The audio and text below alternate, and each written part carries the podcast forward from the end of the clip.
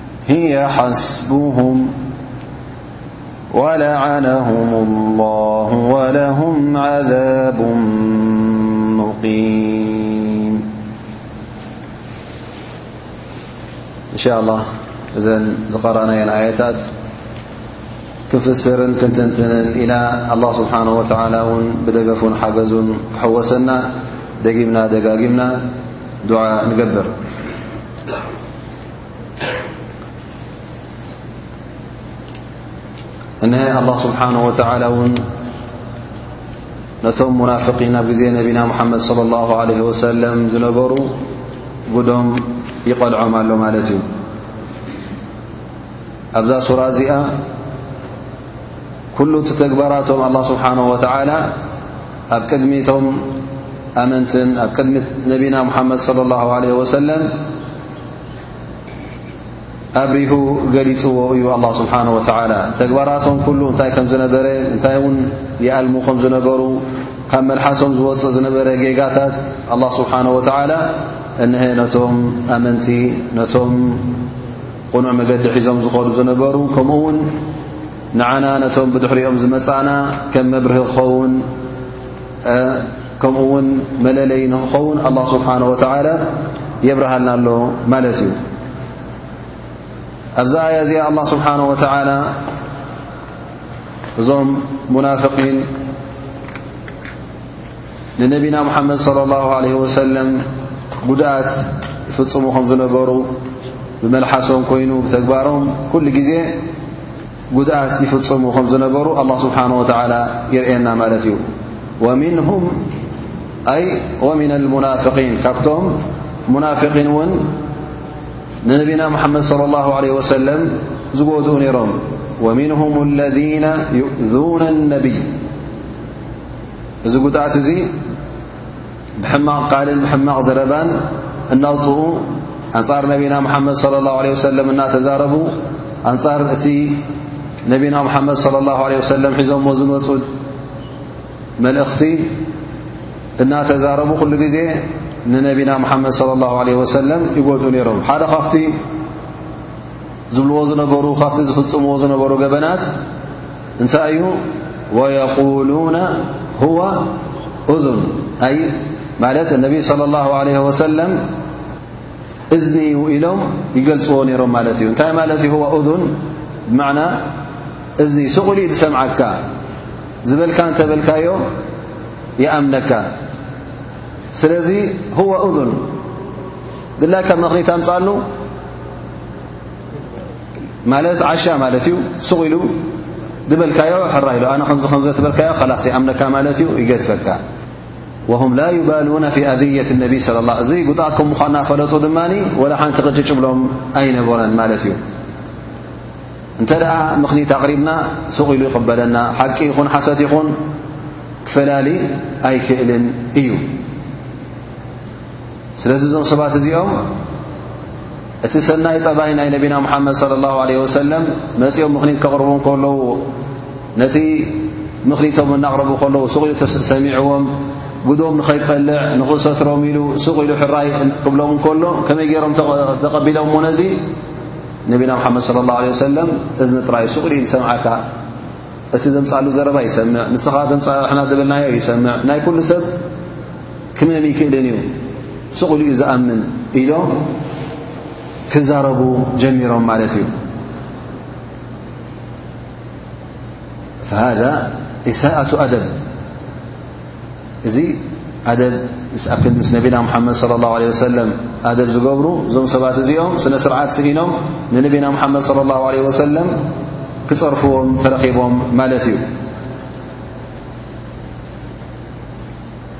ነቢ صለ ላሁ ዓለ ወሰለም ንዕኦም ኮይኑ ንዅሉ ወዲ ሰብ መልእኽቶም ሒዞም መፅኦም ዘለዉ ምእንቲ ምንታይ እዩ ምእንቲ ንሰብ ካብ ሓዊ ጀሃንም ናፃ ኣውፅኦም ንመገዲ ጀና ንኽመርሑ ካብ ጥፍኣት ናብ ዓዲ ንኸእትዉ ኻኢሎም ኣነቢ صለ ላሁ ለ ወሰለም እዚ እዩ እቲ ድልቶም እዚ እዩ እቲ ሽትኦም እዚ እዩ እቲ ሃንቀውቶኦም ግን ብኣንጻር እዞም ሰባት እዚኦም ነዚ ሰናይ ተግባር ነቢና ሙሓመድ صለ ላሁ ዓለህ ወሰለም ኣብ ክንዲም ጽቡቕ ዝቕበልዎ ንነቢና ሙሓመድ ለ ላሁ ለ ሰለም ክጐድኡ ተረኺቦም ኣብ ርእሲኡ ድማ እንታይ ዘርእየካ ዘሎ እዞም ሰባት እዚኦም ንነቢና ሙሓመድ صለ ላሁ ዓለ ወሰለም ክጐድኡ ከለዉ ከም ዘይግደሱ እዚ ጕድኣት እዚ እውን ቅጭጭ ከም ዘይብሎም ዝያዳ እዚ ድማ ኣብ ርእሲኦም ኣብቲ ሓሲቦሞ ዝነበሩ ወይ ካብቲ ዝገብርዎ ዝነበሩ ዓብ ጌጋ ከም ምዃኑ ይበርሃልና ማለት እዩ ኣብ ርእሲኡ ድማ ነቢና መሓመድ صለ ላሁ ዓለ ወሰለም ከም እኹል ኣእምሮ ዘይብሎም ገይሮም ወሲዶሞም ማለት እዩ ሓቅን ጌጋን ሓሶትን ክመምዩ ዘይክእሉ ፍጥነት ዘይብሎም ገይሮም ኣቕሪቦሞም ማለት እዩ መዓኑ ነቢ صለ ላሁ ዓለ ወሰለም ሓቅን ሓሶትን ክመም ይኽእሉ እዮም በል ኣክመሉ ልኸልቅ ዓቕለን ወኣተምሁም እድራከን መን እዮም ነቢ ስለ ላሁ ለ ወሰለም ሙሉእ ዘይጉዱል ኣፈጣጥራ ገይሩ ዝፈጠሮም ካብ ወዲ ሰብ መን እዮም ነቢና ሙሓመድ ለ ላሁ ለ ወሰለም ኣብ ኣእምሮኦም ኮይኑ ኣብ ተረድኦ ናቶም እንተ ኮይኑ ኣብ ርእይትኦም እንተ ኮይኑ ከም ነቢና ሙሓመድ صለ ላሁ ለ ወሰለም ዝበፅሐ የለን ጠባዮም ድማ ወካነ ክሉቁሁ ቁርን እሱ ስለ ዝኾነ ድማ ነቢ صለ ላሁ ለ ወሰለም ነዞም ሰባት እዚኦም ንኸይፈትሕዎም ነዞም ሰባት እዚኦም እውን መናልባሽ ተባ ይብሉና ኢሎም እነቢ ስለ ላሁ ለ ወሰለም ይሰትርዎም ነይሮም ግን እዚ በንጻሩ ከመይ ገይሮም ወሲዶም እዞም ሙናፍቒን ልክዕ ነቢና ምሓመድ ለ ላሁ ለ ወሰለም ከም ዓሻ ከም ዘይርዳእ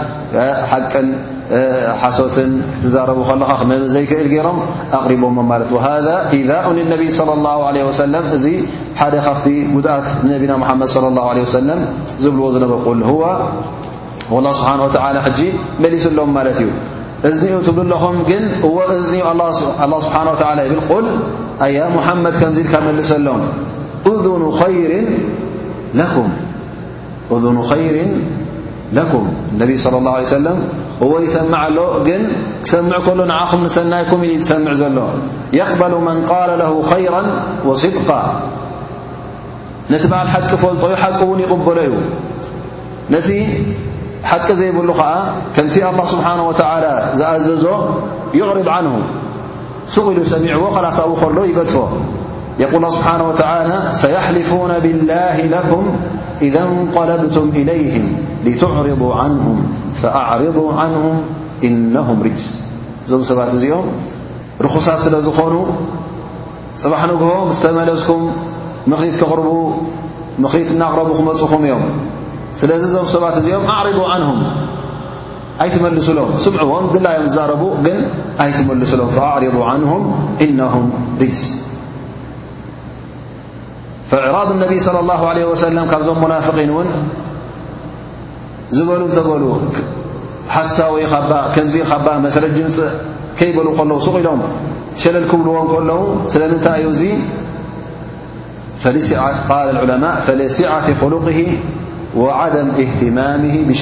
ቀዳማይ ነገር ጠባዮም ጥዑም ስለ ዝኾነ ልዋም ሰናይ ጠባይ ስለ ዝኾነ ሕማቕ ዘረባ ከውፅኡ ይደለዩ ነነቢ ለ ላ ለ ወሰለም ሱቕ ኢሎም ይሰምዕዎም ነሮም ከዓ ኣብ ከለዉ ሸለል ይብልዎም ኣብእዚኡ ድማ እነቢ صለ ላه ለ ወሰለም እዞም ሰባት እዚኦም ጥቕሚ ከም ዘይብሎም ይፈልጡ ነይሮም ማለት እዩ ር ከም ዘይብሎም ሰናይ ከም ዘይብሎም ሊክ ዝበሉ እተበሉ ሱቕ ኢሎም ሸለል ኢሎም ይገድፍዎም ነይሮም ማለት እዩ ላኪን ነቢ صለ ላه ለ ወሰለም ከምቲ ግቡ ከምቲ ኣላ ስብሓን ወላ ኣብዚ ኣያ እዚኣ ዝበሎም የን ቁል ኡዝኑ ኸይሪን ለኩም ቀዳማይ ነገር ክሰምዑ ከሎ ንሰናይኩም እዩ ዙ ነቢ ስለ ላሁ ለ ሰለም ሰሚዑ እውን ሸለል ክብለኩም እንከሎ እዚ ንዓኹም ሰናይ ኮይኑ በረይ ንዓኹም ተዝምልሰኩም መሰረት ጅምፁ ተዝብለኩም ነይሩ እውን እንታይ ምኾነ ነይሩ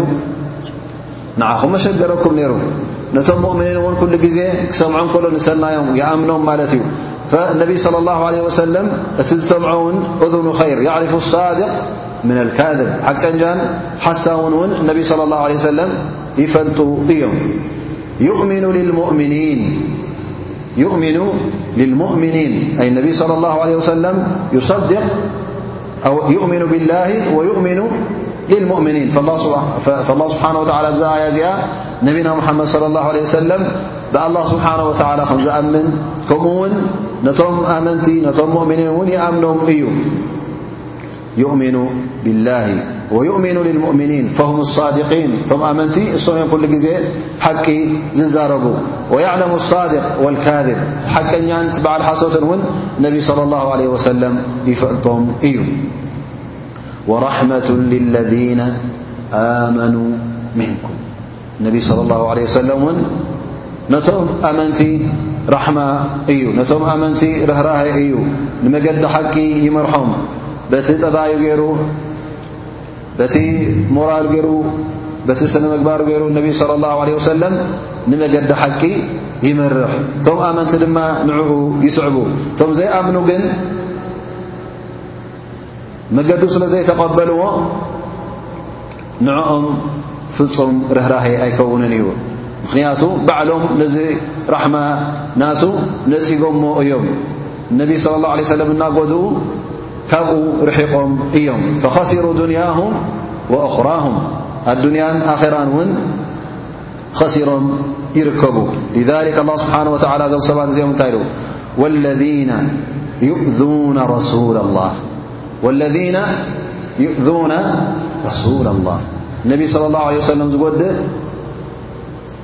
ብሕማቕ ዘረባ ኮይኑ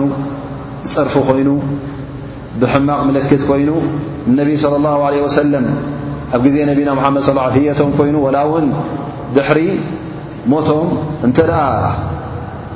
ብሕማቕ ጥቕሲ ብሕማቕ መልክዕ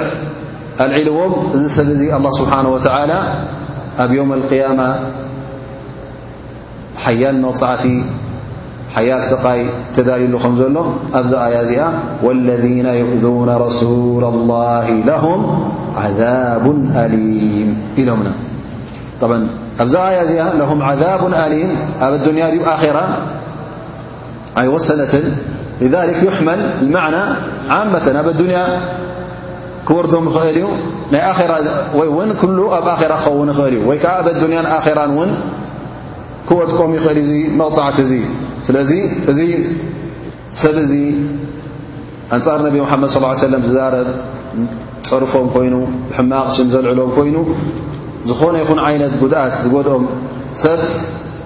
ኣላህ ስብሓን ወተዓላ መቕጻዕቲ ኣዳልዩሉ ከም ዘሎ ኣብዛ ኣያ እዚኣ በሪሃትና ማለት እዩ ስለዚ ወዲ ሰብ ኩሉ ግዜ መልሓሱ ክሕልሎ ማለት እዩ ንነቢና ሙሓመድ ለ ላሁ ለ ወሰለም ኩሉ ግዜ ብዓይኒ ክብርን ብዓይኒ ልእልነትን ክርዮም ኣለዎ ማለት እዩ መሰሎም እውን ክሕልወሎም ኣለዎ ክብሮም እውን ክሕልወሎም ኣለዎ ምኽንያቱ ነቢ صለ ላه ለ ወሰለም መልእኽቲ ኣላ ስብሓን ወተዓላ ሒዞም ዝመፁ ብኦም እቲ ኼር ስለ ናባና ተመሓላለፈ እቲ ዝገበሩልና ሰናይ ክንሕልወሎም ኣለና ከነመስግነሎም ኣለና ከምቲ ኣላ ስብሓን ወተዓላ እውን ዝኣዘዘና ክብረቶም ክሕሎ ኣለዎ መሰሎም ኩሉ ግዜ እውን ክንግደሰሉ ኣለና ማለት እዩ እንተ ደኣ ዝኾነ ይኹን ሰብ እውን ኣንጻሮም ክዛረብ እንተ ደኣ ርኢና ኣብ ክንዳኦም ኮይና ክንካታዕ ውን ግዴታ ይኸውን ማለት እዩ ምክንያቱ እዚ ሓደ ካፍቲ ዋጅብ ግዴታ ንዓና ዝረኤየና ማለት እዩ ምክንያቱ ነቢና ሓመድ صለ ላه ለ ወሰለም እንተ ብሕማቕ ይለዓሉ ኣለዉ ኮይኖም ዝፅረፉ እተ ኣለዉ ኮይኖም ንስኻ ግዴኻ ነዚ ሙንከር እዚ ነዚ ጌጋ እዚ ነዚ ገበን እዚ ነዚ ጉድኣት እዚ ክትከላኸለሉ ካብ ነቢና ሙሓመድ صለ ላه ለ ወሰለም ክትነፅጎ ዋጅብካ ይኸውን ማለት እዩ ግዴታ ይኸውን ማለት እዩ ብድሕሪ እዚ ኣላ ስብሓን ወተዓላ እንደገና እቶም ሙናፍቒን ኩሉ ግዜ ሓሶት ስርሖም ስለ ዝኾነ መልሓሶም እውን ዘይእርነብ ስለ ዝኾነ እነሀ ኣላ ስብሓን ወተዓላ እውን ሓደ ካፍቲ ተግባራቶም ይጠቕሰልና ኣሎ ማለት እዩ ያሕሊፉነ ብላሂ ቅድሚ ሕጂ እውን ርኢና ነርና እዞም ሰባት እዚኦም ኩሉ ግዜ ናበኦም ዝቀዳዶም ኢልና ናብ ማሓላ ኩሉ ግዜ ሓሳዊ ክኸውን ከሎ ሓደ ሰብ ሓሶት ዝዛረብ ኩሉ ግዜ ብሓሶት እተወርየ እተ ኮይኑ እቲ ዝዛረቡ ዘሎ ሰብ ከም ዘይቀበሎ ይፈልጥ እዩ ስለዚ ናይ ግድን መረጋገፂ ክደሊ ኣለዎ ማለት እዩ ሓደ ካብቲ መረጋገፂ ዝጥቀመሉ እንታይ እዩ ተጓይ እዩ ናብ ማሓላ ጥር ኢሉ ይምሕል ማለት እዩ እንተ ሓደ ሰብ ኩሉ ግዜ ሓቂ ዝዛረበካ እተ ኮይኑ ሃል መሓለለይ ትብሎ ኣይትብሎን ኢኻ ግን ሓደ ሰብ ኩሉ ግዜ ሓሶ ጥራይ ሓሶ ጥራይ ዘምፃልካ ወረ እተ ኮይኑ ወላ ተጢዕ ኩሉ ሓላፍን መሂን ኩሉ ግዜ እውን ድምሕል እተ ኮይኑ ኣስለን እዚ ሰብ እዚ ጥርጠር ኣለዎ ማለት እዩ ንገዛ ርእሱ ምሕል ከሎ ጥርጢር እዩ ዝምሕ ዘሎ እንተ ኩሉ ግዜ ሓሶት ዘምፃልካ ኮይኑ ኣይተቕበሎን ኢኻ ክትቅበሎ እተ ኮይንካ መረጋጋፂ ኻ ደሊ መን ነይሩ ምሳኻ መን ኣለካ ምስክር መሓል ኢልካ ምናልባሽ ዝሓተቶ እዚኦም ማ ሓታ መሓለይ ክሳዕ ትብሎም እውን ኣይጽበዩን እዮም ባዕሎም ንመሓላ እጓየ ን ነብሱ ኣስለን ገዛእ ርእሱ ጠርጢርዎ ኣሎ ዝሰብ እዙ ሙናፍቕ ስለ ዝኾነ ዝልወጅሀ ልቡ ካልእ ግዳሙ ካልእ ስለ ዝኾነ እታ ነብሱ እውን ይፈልጣ እዩ ዝስብ እዙ ስለዚ እናተጓየ ናበይ ኸይድ ማለት እዩ ናብ ማሓላ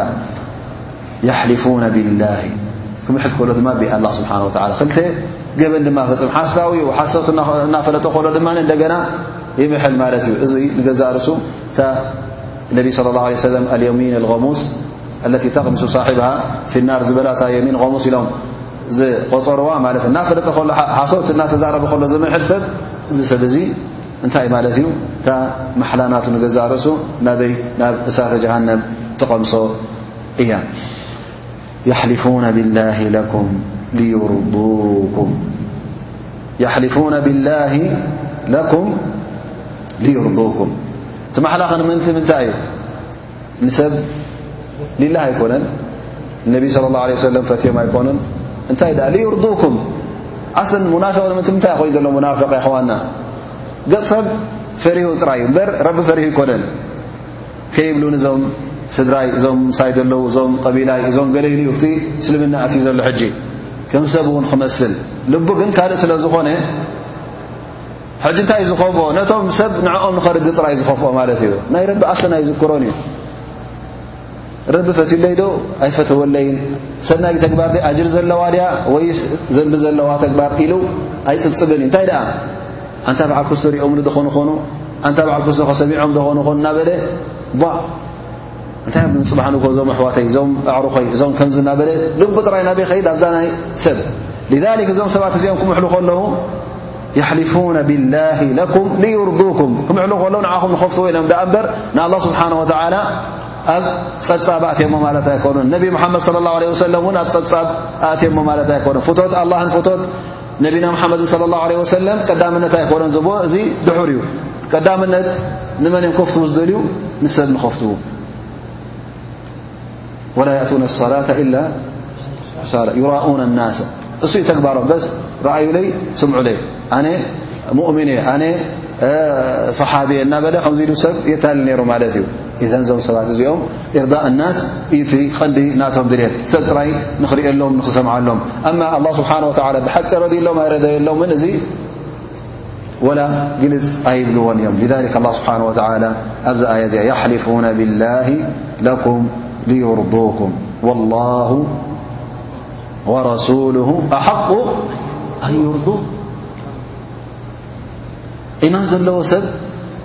በዓል ኢማን ንመን እዩ ዝርዲ ንኣላ ስብሓን ወተላ ذ ኣ ስብሓን ወላ እንታይ ኢሉ እንካኑ ሙእምኒን እዞም ሰባት እዚኦም ብሓቂ ሰብ ኢማን ነይሮም ተዝኾኑ ብሓቂ ልቦም ኢማን ዝመልአ ነይሩ ተዝኸውን ንኣላ ስብሓን ወላ ከርድዩን ንነቢና ሙሓመድ ለ ላ ለ ሰለም ከርድዩን ምተጓየዩ ነይሮም ናብኡ ምተቐዳደሙ ነይሮም ግን እዞም ሰባት እዚኦም ቲ ኢማን ስለ ዘየለ ብኣላ ስብሓን ወላ ናይ ብሓቂ ኢማን ስለ ዘይብሎም ንመን የርድዩ ኣለዉ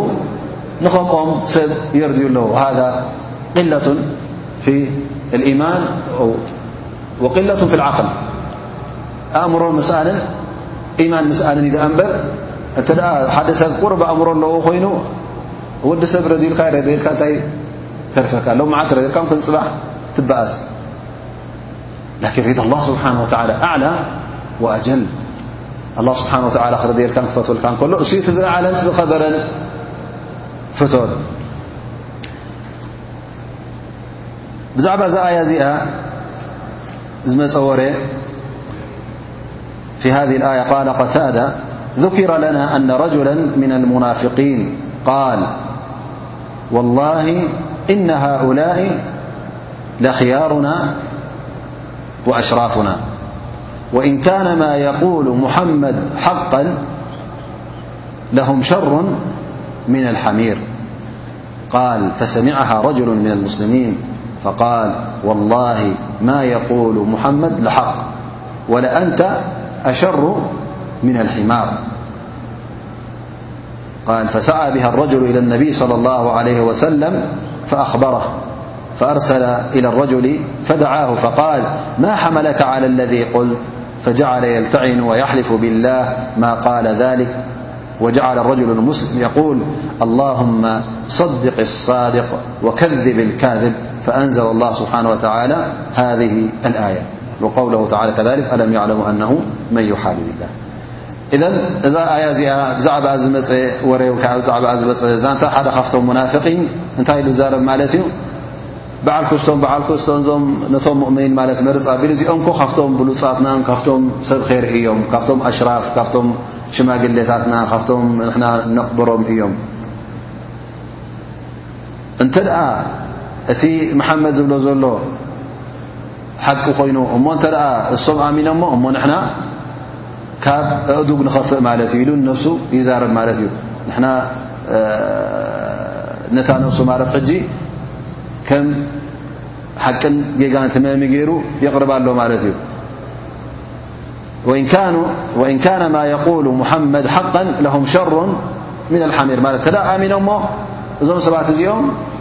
ካብ ኣእዱግ ይኸፍኡ ማለት እዩ ምዓኑን እንታይ ኢሉ ጠቒስዎም ሰብ ር ገይሩ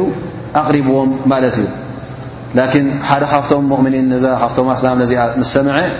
ወላሂ ማ የቁሉ ሙሓመድ ልሓቅ ነቢ ስለ ላ ሰለም ሙሓመድ ዝብሎ ኩሉ ሓቂ እዩ ንስኻ ኢኻ ካብ እስኻ ከ ኣድጊ ካብ ኣድጊ እውን ዝኸፍእካን ዝበእስካን ንስኻ ኢኻ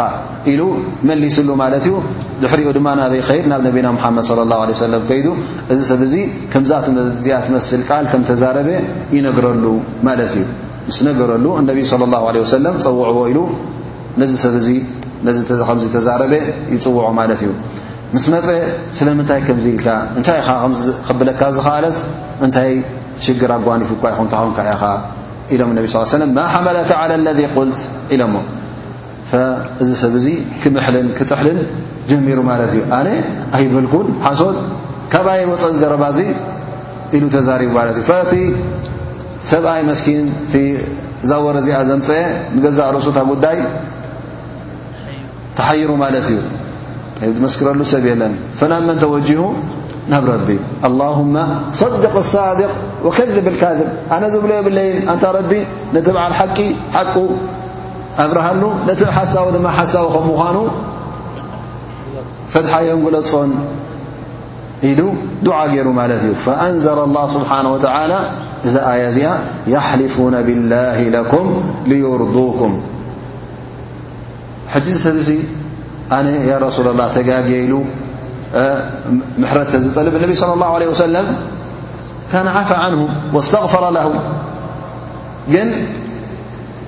እታ ሓሶት እታ ጌጋ እታ ጸርፊ ተጻሪፍዋ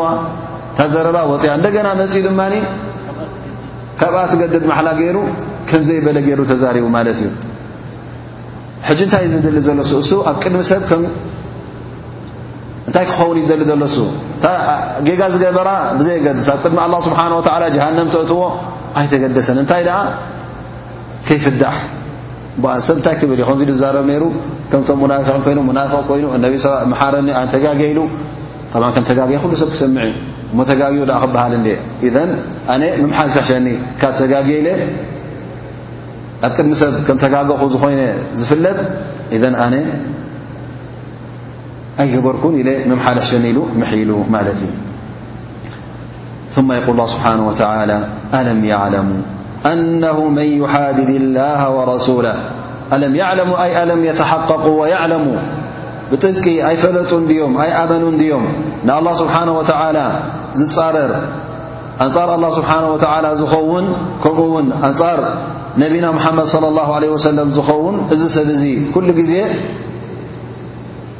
ከሓዲ ከም ዝቑጽር እሳተ ጀሃነም እውን ከም ዘለዎ ኣይበጽሕዎን ድዮም ኣይተረድኡን ድዮም እዞም ሰባት እዚኦም ኣለም ያዕለሙ ኣነሁ መን ይሓድድ ላሃ ወረሱለሁ ፈኣነ ለሁ ናራ ጀሃነመ ኻልደን ፊሃ እሳተ ጀሃንም ከም ዘላቶ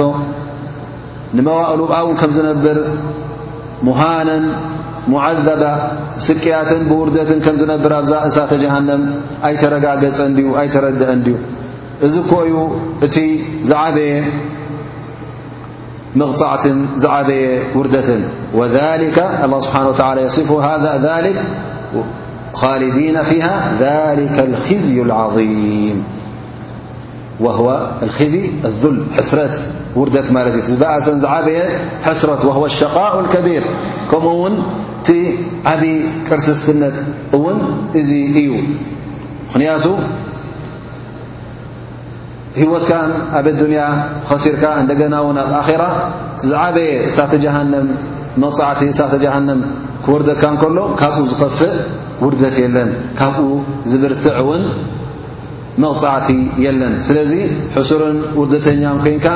እዚ ሓያል መቕጻዕቲ ክወርደካ ከሎ ቀሊል ኣይኮነን። ኢዘን እዞም ሰባት እዚኦም እዞም ሙናፊቒን እዚኦም ኣላህ ስብሓነሁ ወተዓላ ብምንታይ እዩ ዝብስሮም ዘሎ? ብእሳተ ጀሃነም። እዚ ከም ዝገብር ሰብ ነቢይ ሰለላሁ ዓለይሂ ወሰለም ዝጎድእ ፍቶት ኣላ ሪዳ ኣላ ስብሓን ወተዓላ ገዲፍ እውን ናይ ወዲ ሰብ ሪዳን ፍቶትን ዝመርፅ እዚ ሰብ እዙ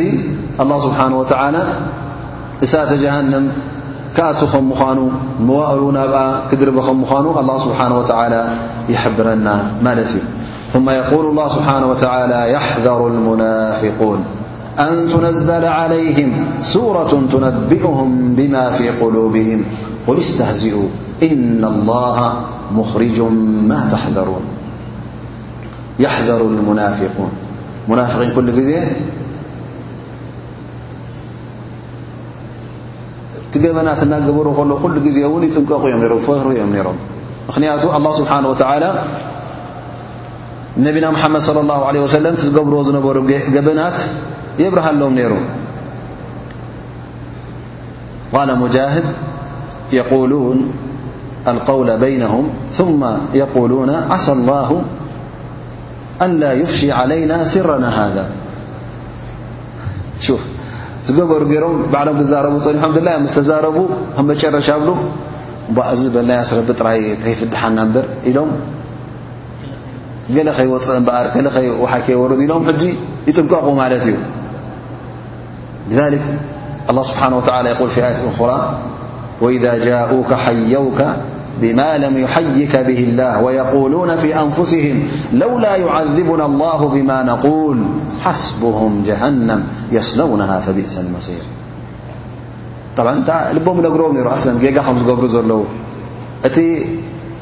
ነቢ صለ ላه ለ ሰለም እውን ነቢ ከም ምዃኑ ፈልጡ ኣለዉ እቲ እስልምና እውን ሓቂ ከም ምዃኑ ፈሊጦም ኣለዉ ላኪን እንታይ መሪፆም ጥፍኣት መሪፆም ክሕደት መሪፆም ፈም ካኑ የኽሸው ኩሉ ግዜ እውን ይጥንቀቑ ነይሮም ፈርሁ ነይሮም ከይፍድሑ እሶም ከበላሽዉ ደልዩ ኣብ ርእሲኡ ድማ ፈዲሓ ንኸይትኸውን መዓን ኩሉ ግዜ ክፍድሑ ከለዉ እንታይ እዮም ዝገብሩ ነይሮም መፂኦም ኣይበልናን ኣይተዛረብና እናበሉ ይምሕሉ ይጥሕሉ ነይሮም ማለት እዩ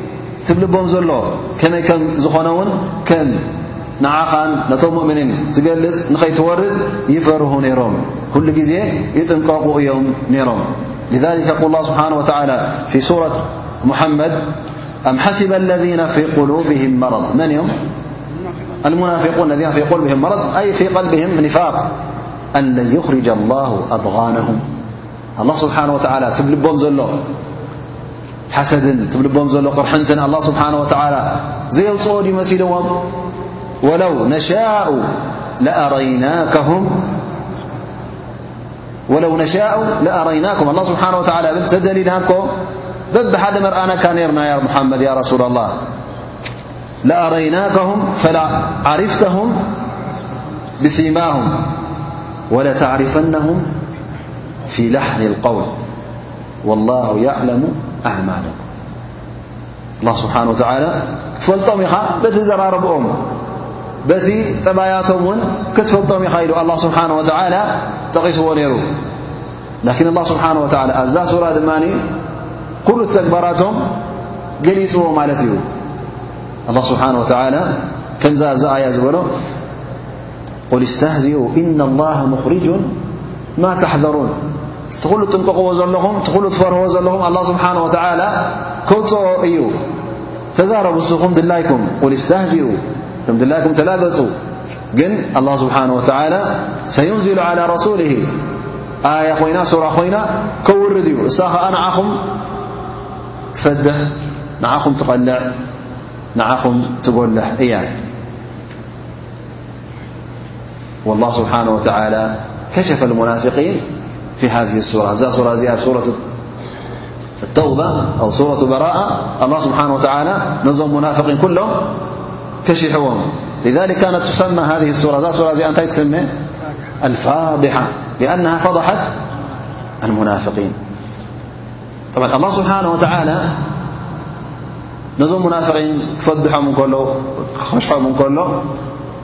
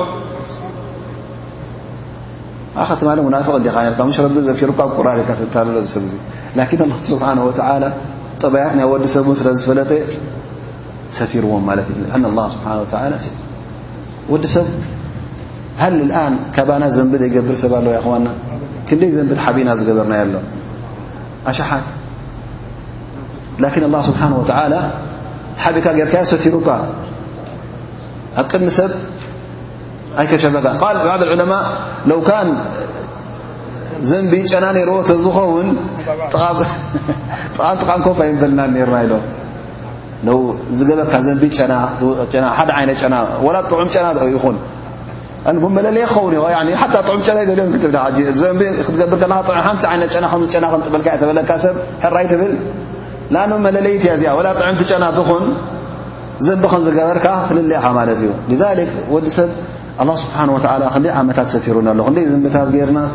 ኸሊፍ ሙናፊቅ ሓታ ንሕና እቶም ሙእሚን ኢሉ ሰብ ኣብ ኢማን ኣለኹ ኣብ መገዲ ኢማን ካብ ኒፋቅ ርሒቕ ኣለኹ ዝብል እቲ ዝንብናቱ እንተ ክር ኮይኑ ኣላ ስብሓን ወተዓላ ምሉእ ዕድሜኻ ወላ ምስ ሞትካ ውን ይሰትረካ ራሕመተን ቤት ግን ንዚ ነገር እዚ ኩላህና ንርስዖ ማለት እዩ ኣላ ስብሓን ወተዓላ ሰቲር እንተሎ ክሰትረና እንከሎ ቲ الله سبحانه وتعالى زمى المنافق الذي اتصف بذلك الوصف لأنه منافقين ن كلهم حديكن دات زلقفنا بسلمنا تفلال فالله سبحانه وتعالى ذكرهم بصفاتهم في بر وجيقتات نعري يتكسنيرمالت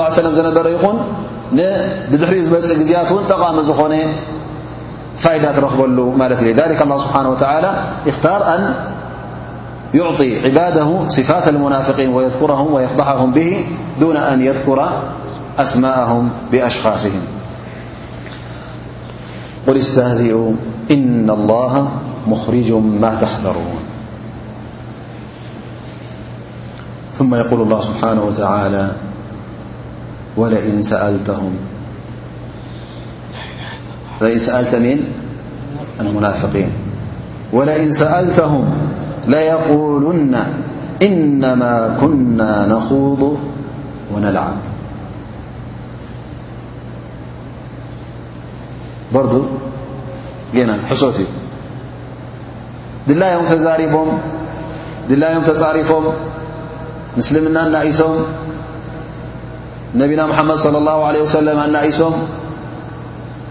ብነቢና ሓመድ ص ሰለም ተላጊፆም ብስልምና ተላጊፆም ምስ ተሓተቱ እነቢ ስለ ላ ሰለ ስለምንታይ ከምዝከንዘን ኢልኩም ኢሉ ክሓቶም እንከሎ እንታይ እዮም ዝብሉ ያ ረሱሉ ላ እንታይ መዓስ ሓቂ ንዛረብ ንስቕልና ዘይ መዕለሊ እዩ ነይሩ መገዲ ስለ ነዊሕ ስውእ ስለ ዝኾነስ መዕለሊ ክኾነና እናስሓቕና ክንከይድና ንዛረብ ነርና ኢሎም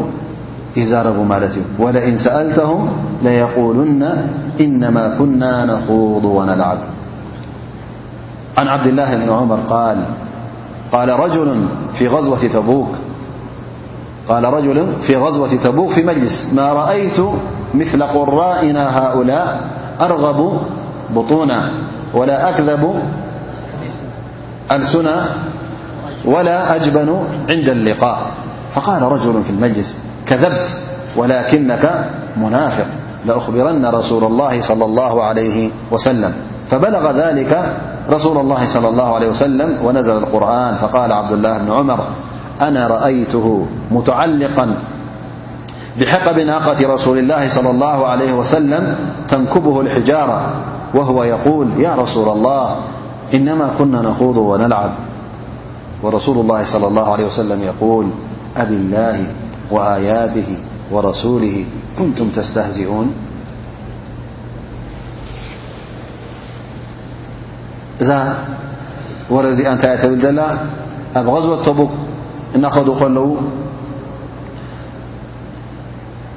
ኣብ መገዲ ማለት እዩ ቃል ሓደ ካብቶም ሙናፍቒን ተሓዊሱ ነይሩ ማለት እዩ እንታይ ይብል ማ ረኣይቱ ምለ ቁራኢና ከምዞም ቀራእትና ከምዞም ዑለማናና ከምዞም ሕፋዝ ቁርን ዘለ ዞም ቁርን ሓፊዞም ዘለዉ ከምኦም በላዕተኛ ኣይረኣኹን ክንደይ ገፊሑ ከብዶም ከምኦም ድማ ድሕሱ ኣይረኣኹን መልሓሶም ብጀካ ሓሶት ካልእ ኣይፈልጡን እዮም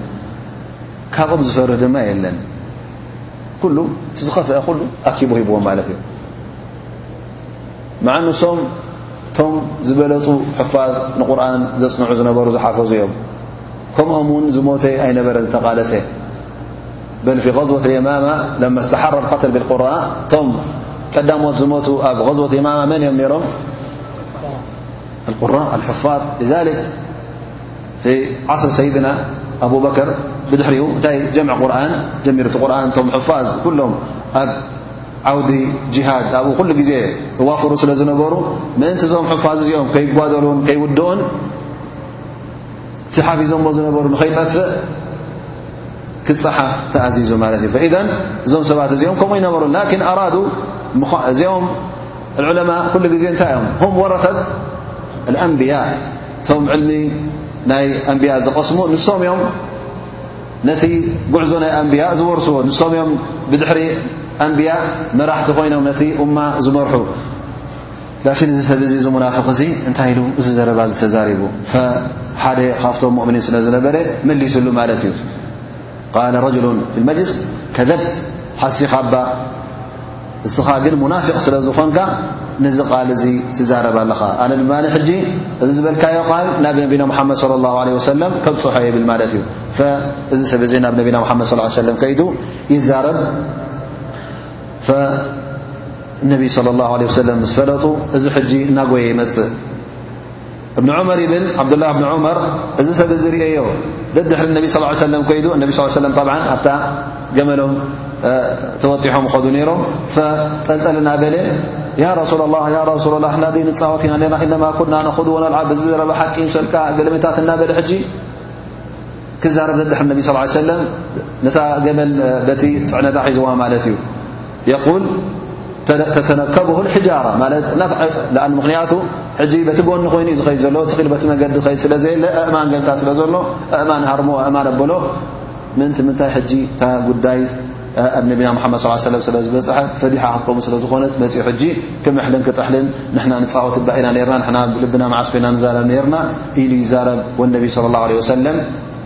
እዛ ኣያ እዚኣ ምስ ወረደት ኣቢላሂ ወኣያቲሂ ወረሱሊሂ ኩንቱም ተስተህዚኡን ኢሎም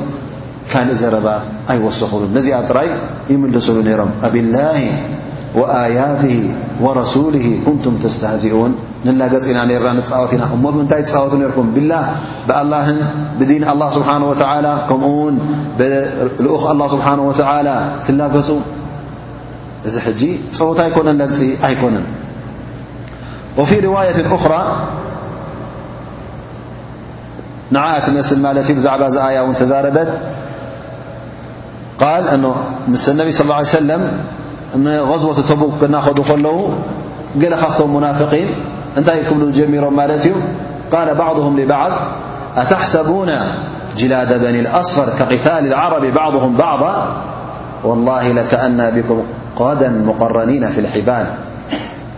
وذلك إرجافا وترهيبا للمؤمنين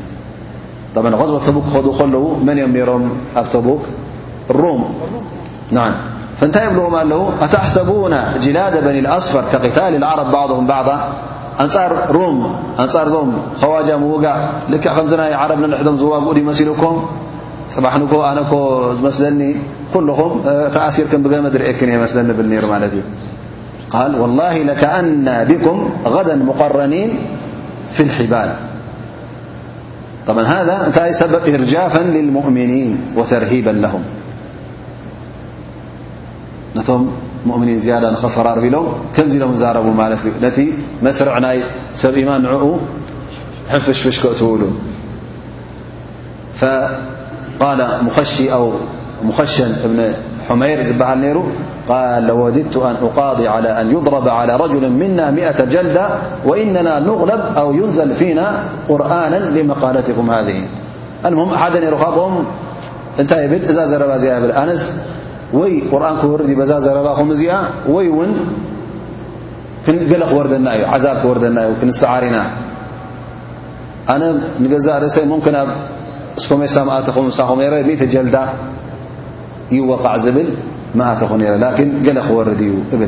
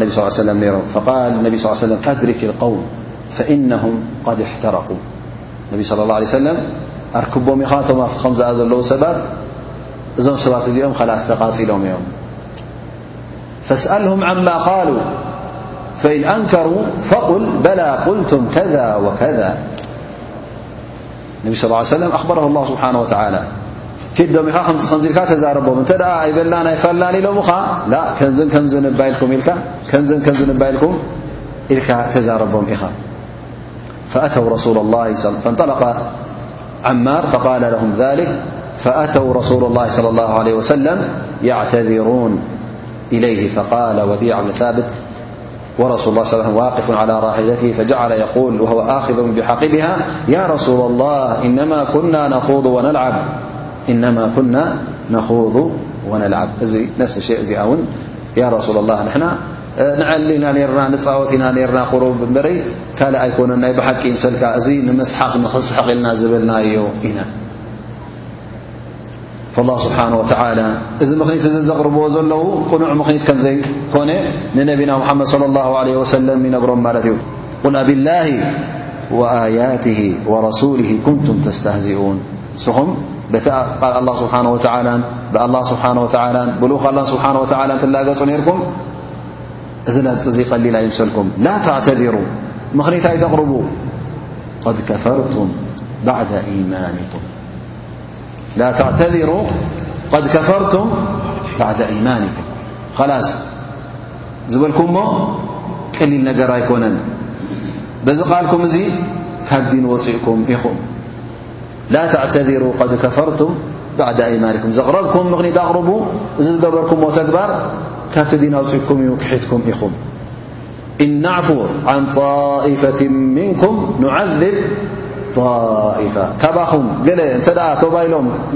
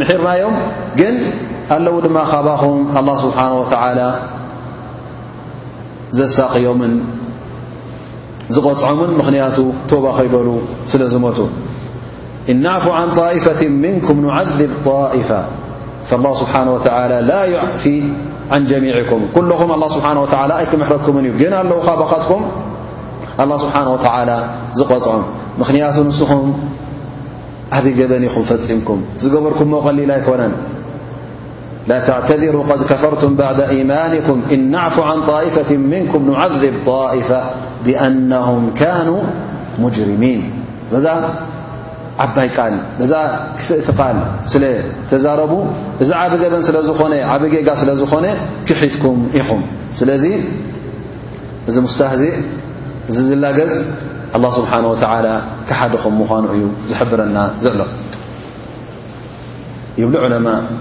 ካብዚ ኣያ እዚኣ እንወስዶ ክልተ ዓቢ ፋይዳ ኣሎ። ቀዳማይ ፋይዳ እንተ ደኣ ሓደ ሰብ ብምስጢር ገይሩ ተሓቢኡ ኣንጻር ዲን ኣላ ስብሓን ወተዓላ ይኹን ኣንጻር ኣላ ስብሓን ወተዓላ ክላገጽን እከይ ተግባራትን ክገብር እንተ ደኣ ተረኺቡ ወይ ከኣ እንተ ዝገብር ኣሎ ኮይኑ ተሓቢኡ ተሰቲሩ ወይ ከኣ ኣሰራ ማለት እዩ ብምስጢር እተ ገብሮ ኣሎ ኮይኑ ኣላህ ስብሓን ወተዓላ ዝፈርሓሉ መዓልቲ ዝፍድሖ መዓልቲ ክመጽእ እዩ ላ ስብሓን ወተዓላ ዩظህርሁ ወየፍዳሑ ማህማ ፍዓል ፈኢና ላ ስብሓን ወተዓላ እዚ ተሓቢኡ ዝገብሮ ዝነበረ ኣላ ስብሓን ወተዓላ ክፍድሖ እዩ ምኽንያቱ እዞም ሰባት እዚኦም እቲ ዝገብርዎ ዝነበሩ نر فم ر ودد ول وش ش ير الله سبنه وتعلى تجرم فحم ت كشم هذا نستفيد والفائدة الأخرى قال أن من استزأ بشيء من الكتب والسنة أو بالرسول صلى الله عليه وسلم أو دين الله أو تنقصه بأنه كافر بالدين كفرا أكبر مخرج من الملة وإن كانت التوبة مقبولة منه ممكنتأالله سبحانه وتعالى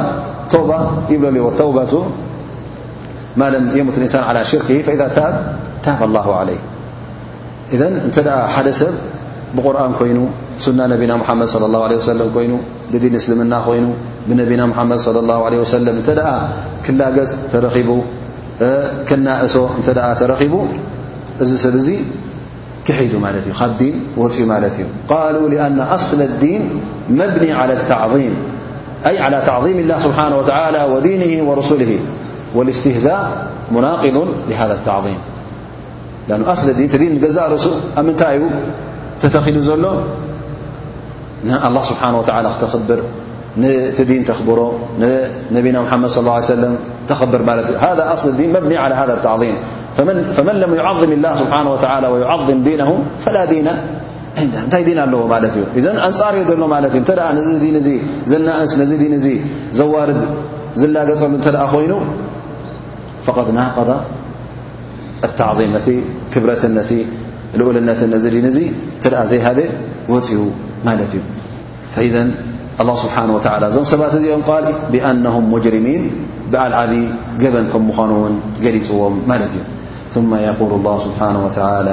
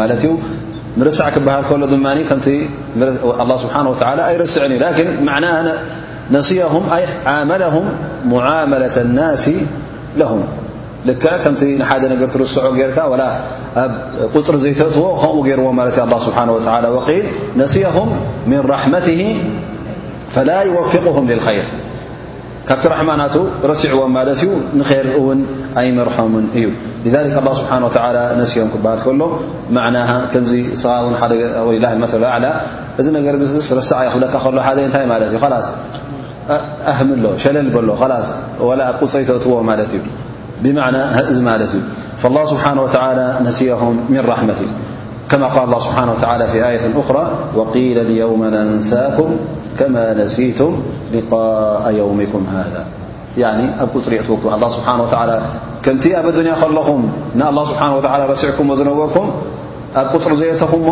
ኣላ ስብሓን ወተዓላ ድማ እነሀ ሕጂ ብዮም ኣልቅያማ ንዓኹም እውን ረሲዑኩም ኣብ ቁፅሪ እውን ኣይእትወኩምን እዩ ኣበይ ከም ዘለኹም እውን ኣይግደሰልኩምን እዩ ማለት እዩ እነ ልሙናፍቂነ ሁም ልፋሲቁን እቶም ፋስቂን እቶም ካብ መገዲ ውፅኣት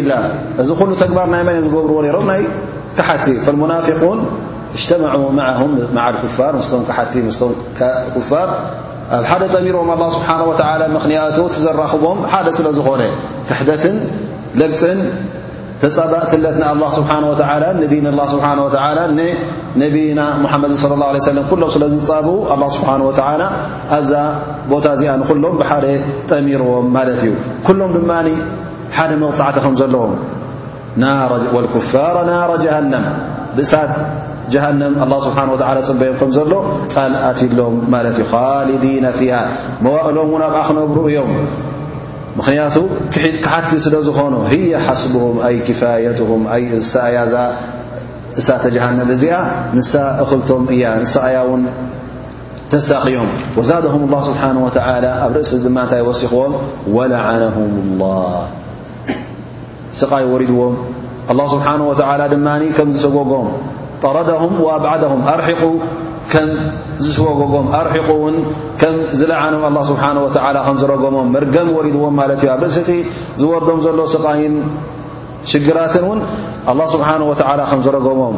ኣይኮነን ኣላ ስብሓን ወላ ክረግመካ ሰብ ክረግመካ ከሎ እውን ከቢድ እዩ ስለዚ ኣላ ስብሓን ወተላ እዞም ሰባት እዚኦም ርጉማት ከም ምዃኖም ወለዓናሁም ላ ወለሁም ዓዛብ ሙቒም ከምኡ ውን ቀፃሊ ዝኾነ ስቓይ ከም ዘለዎም ከም ዘየቋርፅ ኣላ ስብሓን ወላ ዝሰቓይ እዙ ይሕብር ኣሎ ማለት እዩ እቲ በዱንያ ዝገብርዎ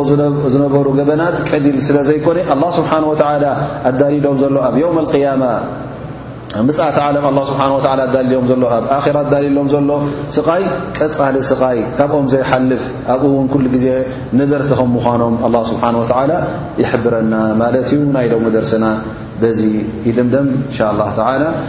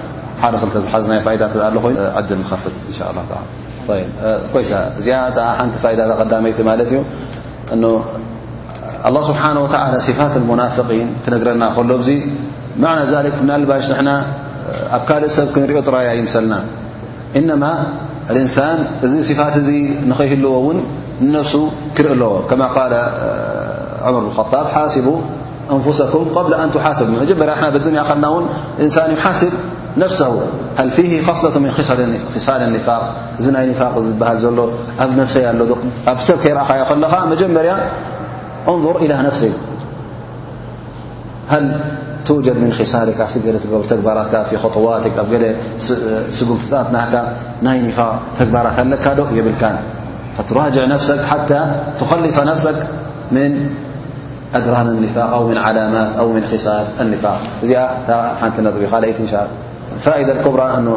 أأخذناها اليوم أن يكون رضى الله سبحانه وتعالى هو الهم الأكبر وهو